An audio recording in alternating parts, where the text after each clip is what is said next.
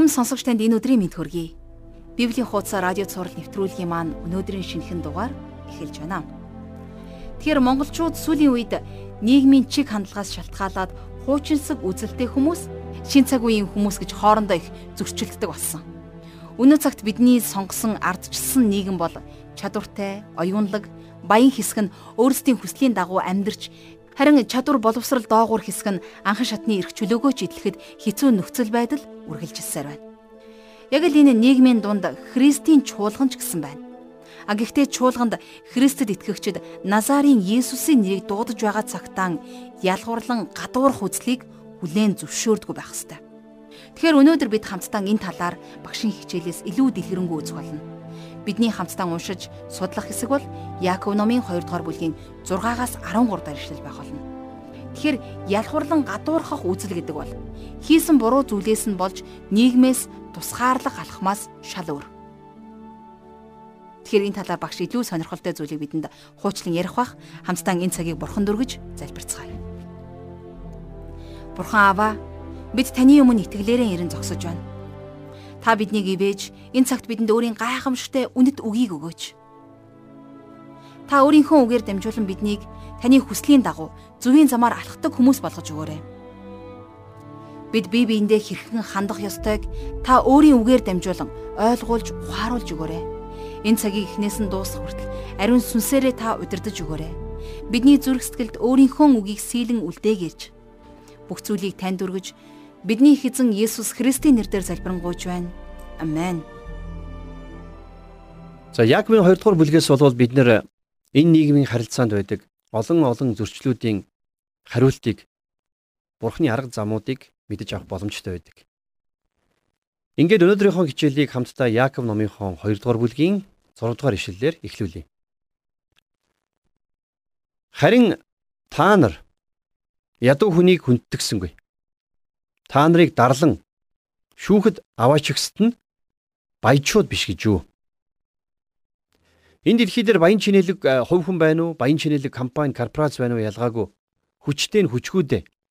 Баян нь ядуудаа шудраг биш хандаж байна. Улс төрчид, улс төрийн намууд засгийн эрхэнд гарахдаа ядуу доройчуудыг дэмжинэ гэж амлаж, энгийн иргэдийн амьдрал ахуйг дээшлүүлнэ гэж мөрийн хөтөлбөртөд тусгадаг. Харин төрийн эрхийг гартаа авмагцаа тэд нар энэ амлалтанда хизээж хүрдэггүй. Харин ч тэд нар эгэл жирийн иргэдийг шулж, мөлжиж, хуурч мэхэлж байдаг. Баян чинэлэг хүмүүс, том том компани захирлууд, том том компани корпорациуд ядуу дорой хүмүүст яаж шудраг бус ханддгийг бид нар олон жишээгээр өнөөдөр сайн мэднэ. Тэгвэл байна. Өнөөдрийн Библийн хичээлээр юуг ойлгож авах ёстой вэ гэхээр үнэн дээр ядуу дорой хүмүүсийн цорын ганц найдвар бол Есүс Христ.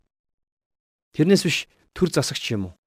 Эсвэл баян баян компани, корпорациуд биш, нийгмийн халамжич биш. Гагцгүй Есүс Христ л ядуу дорой хүмүүсийн цорын ганц итгэл найдвар. Ядуучуудыг энэ дэлхий гадуурхдаг, түлхэж зайлуулдаг. Тэдний саналыг авах болохоор улс төрчид тэдэнд ханддаг эцэстээ тэдний саналыг авах болохоор улс төрчид тэднээс асуудаг хэрнээ? А сүулдэ болвол тэдний саналыг авсныхаа дараагаар ортоос мартаж орхидог шүү дээ. Тэгэхээр өнөөдрийн нийгмийн байдал өрдөөсөө ийм л байна. Хаан ч ялгаагүй. 7 дугаар эшлэл дээр та нарыг дууддаг эрхэм нэрийг тэд гутаан доромжилдаггүй гэж юу? Бид нар ядуу дорой хүнд шудраг бусаар хандах үедээ Есүсийн нэрийг гутаан доромжилж байдаг гэдгээ ухаарах хэрэгтэй. Ядуу дорой хүмүүсийн ард талд Есүс Христ байдаг гэдгийг битгий мартаарай. 8 дугаар эшлэлдэр та нар хаан хууль болох чи хөршөө өөрийн адил хайрл гэснийг бичвэрийн дагуу биелүүлж байвал та нар сайныг үлдэж байна. Хэрвээ та бид нар бурханд таалагдахыг хүсэж байгаа бол бурхныг дуулууртай дагахыг хүсэж байгаа бол юу хийх ёстой вэ гэдгийг Яаков маш тодорхой хэлсэн. Бид нэр хөршөө өөрийгөө хайрладаг шиг хайрлах ёстой. Энэ бол байна штэ. Мосегийн хуулийн хүн хүндээ хандах бүх хууль дүрмийг базаад нэгтгэсэн тайлбар юм а. За 9 дугаар эшлэл дээр харин та нар хүнийг алаг үзвэл та нар нүгэл үлдэж хэрэгтэн мэд хуулиар яллагдах болно. Баян хүнд нэг хандаж, ядуу хүнийг дарлан доромжлох нь Мосегийн хуулийг зөрчсөнд тооцогддгоо гэдгийг энд шулуухан хэлж байна, тийм ээ. Хэдийгээр хин нэгэн хүн хүн алаагүйч. За завхаарайгүйч, хулгай хийгээгүйч. Тэр хүн нэг хуулийг л зөрчсөн бол бүгдийг зөрчснөөс өөрцөхгүй гэж тооцогддог. 10 дугаар эшлэлдэр учир нь бүх хуулийг сахивч нэг дээр нь бүдрэх хэн боловч бүх хуулийг зөрчсөн болно гэж Яаков бичсэн байна. Нэг хуулийг зөрчих юм бол бүгдийг зөрчсөн гэсэн үг гэж Яаков хэлээгүй. Харин нэг л хуулийг зөрчсөн бол бүгдийг зөрчснөөс ялгаагүй. Өөрөөр хэлэх юм бол хуулийг зөрчсөн л бол хуулийг зөрчсөн гэсэн үг. Аль заалт нь хамаагүй гэсэн утгыг энд Яаков хэлсэн байна. За жишээлх юм бол хэрвээ шоронд хүн хулгайн хэрэгтэй сууж байгаа хэн нэгэн хүн хүн амны хэрэгтэй хэн нэгэн дээр очиод тийм ээ. Би хүн амны хэрэг үйлдэггүй учраас би чам шиг хууль зөрчигч биш гэж хэлвэл юу болох вэ? Гэхдээ тэр өөрөө хулгай хийсэн учраас адилхан шоронд сууж байгаа шүү дээ. Шоронд байгаа зарим гимт хэрэгтнүүд өөрийнхөө үйлдэлсэн гимт хэргийг нөгөө хүнийхээс баг гимт хэрэг гэж үздэг учраас бие биенээ үйлдэлсэн хэрэгээр нь гадуурхах дарамтлах тохиолдол гардаг. А гэхдээ уул нь бол тэд нар бүгдээрээ л адилхан гимт хэрэгтнүүд. Адилхан л ялаа эдэлж байгаа ялтнууд шүү дээ. Тэгэхээр бид нар ийм хандлагыг зөвхөн шорон оронгоос ч биш өөрсдийнхөө дундаас ч харах боломжтой гэдгийг хэлмээр байна. Бурхан биднийг өөр байгаасаа гэж хүсдэг. Хэрвээ гим нүгэл алдаа зөрчлөө ярих юм бол бид нар хинэн ч хиннээсээ дээрдэхэргүй бүгд л адилхан Бурханы өмнө хууль зөрчсөн гимтнүүд шүү дээ. 11-р эшлэл. Учир нь чи бүү завхаар гэж айлдсан тэр бас чи хүн бүү ал гэж хэлсэн юм. Хэрв чи завхаараагүй хэрнээ хүн албал хуулийн гимт хэрэгтэн болно. За тэгэхээр түрүүний санаа дахиад давтагдж байна тийм ээ. Юу вэ гэхээр хэрвээ аль нэг хуулийг зөрчих юм бол тэр хүн хууль зөрчигч болно л гэсэн үг. 12 дугаар эшлэлдэр эрхчлөөний хуулиар шүүгдэх ёстойчуд шиг тийхүү ярь, тийхүү үйлд. За эрхчлөөний хууль гэдэг нэр томьёо бол Христийн нэгүслийн тухай ярьж байгаа. Иохны 14 дугаар бүлгийн 15 дугаар эшлэлдэр Есүс ингэж хэлсэн байна. Хэрв та нар намайг хайрладаг бол миний тушаалуудыг сахиарай гэж. Тэгвэл Есүсийн тушаал гэж яг юу вэ? За тэгвэл Иохны 15 дугаар бүлгийн 12 дугаар эшлэлдэр би та нарыг яаж хайрлсан шиг та нар бие биенээ хайрлах тун. Энэ бол миний тушаал гэж Есүс айлдсан байна. За 13 дугаар эшлэлдэр учир нь өршөөлгүй нэгэнд өршөөлгүй шүүлт байх болно. Харин өршөөл шүүлтийг дийлдэг. За дээр үед болсон нэг явдлыг би сая номноос уншиж ирсэн. Юу гэхээр Америкт нэгэн баян чинэлэг гэр бүл маш санамсаргүй байдлаар ядуусын хороололд нэгэн цуглаанд очисон байна. Тэд нар уг нь баячуудын цуглаанд явдаг. Тэр цуглаан нь ч нилээд чинэлэг за нэг тийм тансаг цуглаан байсан. Харин тэр гэр бүлийн хоёр ядуусын хороололд цуглаанд сууж байхдаа маш гайхалтай номлол сонсож тэдний зөрөгсгөл өөрчлөгдөж өөрсдийгөө гим нүгэлтнүүд гэдгээ олж харсан байна. Тэгээд э, эхнэр нөхөр хоёр тэр цуглаан дээрээ урагш гарч тоос шороотой газар өвдөглөн суугаад Есүс Христийг аврагчаа болгон хүлээж авсан түүхтэй. За тэгээд удалгүй тэр гэр бүл тэрхүү бүс нутагт үйлчлэх болж эхнэр нь гэрээсээ оргон зайлсан октоудад зориулсан асрамжийн газар байгуулсан. Тэр эмэгтэй чин сэтгэлийн үйлчлэлээс Америк даяар орон гэргүй, харж хондох хүнгүй, годомчны гэгдэх бяцхан октоудад туслах хөдөлгөөн өрнөж эхэлсэн түүхтэй байдаг юм а.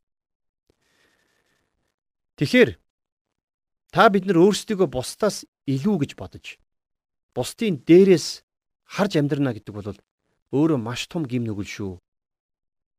Энийг бид нар ойлгож ухаарах нь хамгаас чухал. Тэгэхээр тухайн хүн яг ямар байхаас үл хамааран бид нар бүгдээ бурхны өмнө яг адилхан гэдгээ ойлгох хэрэгтэй. Бид нар уг нь бүгдээрээ гим нүгэлтэй. Бид нар бүгдээрээ тэрхүү баян гэр бүлийн хоёр шиг Христийн загалмайн өмнө ирээд тийм ээ. Есүс Христийг аврагч эзэн хэмээн хүлээн зөвшөөрөх ёстой. Бид нар бүгдээрээ хэдий авьяаслаг хэдий чадвартай байсан ч хэрвээ бид нар Есүс Христийг хүлээж авахгүй юм бол түүний өмнө ирээд өөрийгөө гим нүгэлтэн гэдгээ хүлээн зөвшөөрөхгүй юм бол эцсийн дүндээ байна хамгийн адгийн нүгэлтэн хамгийн өөдгүү гимт хэрэгтнээс ч ялгаагүй гэж бодоорой. Хэрвээ бид нар Бурхны өмнө байгаагаараа ирэх юм бол Бурхан биднийг уучилж, биднийг хүлээж авдаг. Бид нар Бурхны өмнө яг байгаагаараа ирэх тэр үед Есүс Христ бидний төлөө энэ дэлхийд ирж Есүс Христийн цус бидний өмнөөс урссан гэдэгт итгэж найдах яг тэр үед Бурхан биднийг уучлан хүлээж авдаг. Та бидэнд Бурхны өршөөл нэгүсэл туйлаас чухал.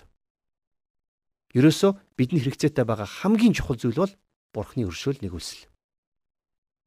Тэр үед Бурхан биднийг хүлээн авч, биднийг уучилж, биднийг ариусгах өөрийнхөө гайхамшигт ажлыг бидний дотор эхлүүлж, биднийг чөлөөлж, биднийг тэрвэрч, бидний амьдралыг жинхэнэ бодит үнэн утга учиртай болгож өгнө. Ийм л итгэлээр бид нэр Есүс Христийн өмнө ирэх ёстой юм а. Сонсогч та хэрвээ энэ алхмыг хийж амжаагүй байгаа бол яг одоо Есүс Христийн өмнө очиорой. Өөрийн бүх гим нүглийг хүлээн зөвшөөрч цорын ганц аврал зөвхөн түүнээс ирнэ гэдгийг Есүс Христэд хэлээрэй. Таны гим нүглийн шийтгэлээс чөлөөлж таныг аврах цорын ганц аврагч Христ Есүстэй дотн нөхөрлөөрэй. Тэр таны амьдралын утга учир, таны амьдралын баяр баясгал, таны амьдралын сэтгэл хангалуун байдал амар тайван бүх зүйл чинь болох учиртай. Эзэн бурхан таныг өрөөж ивэх болтугай.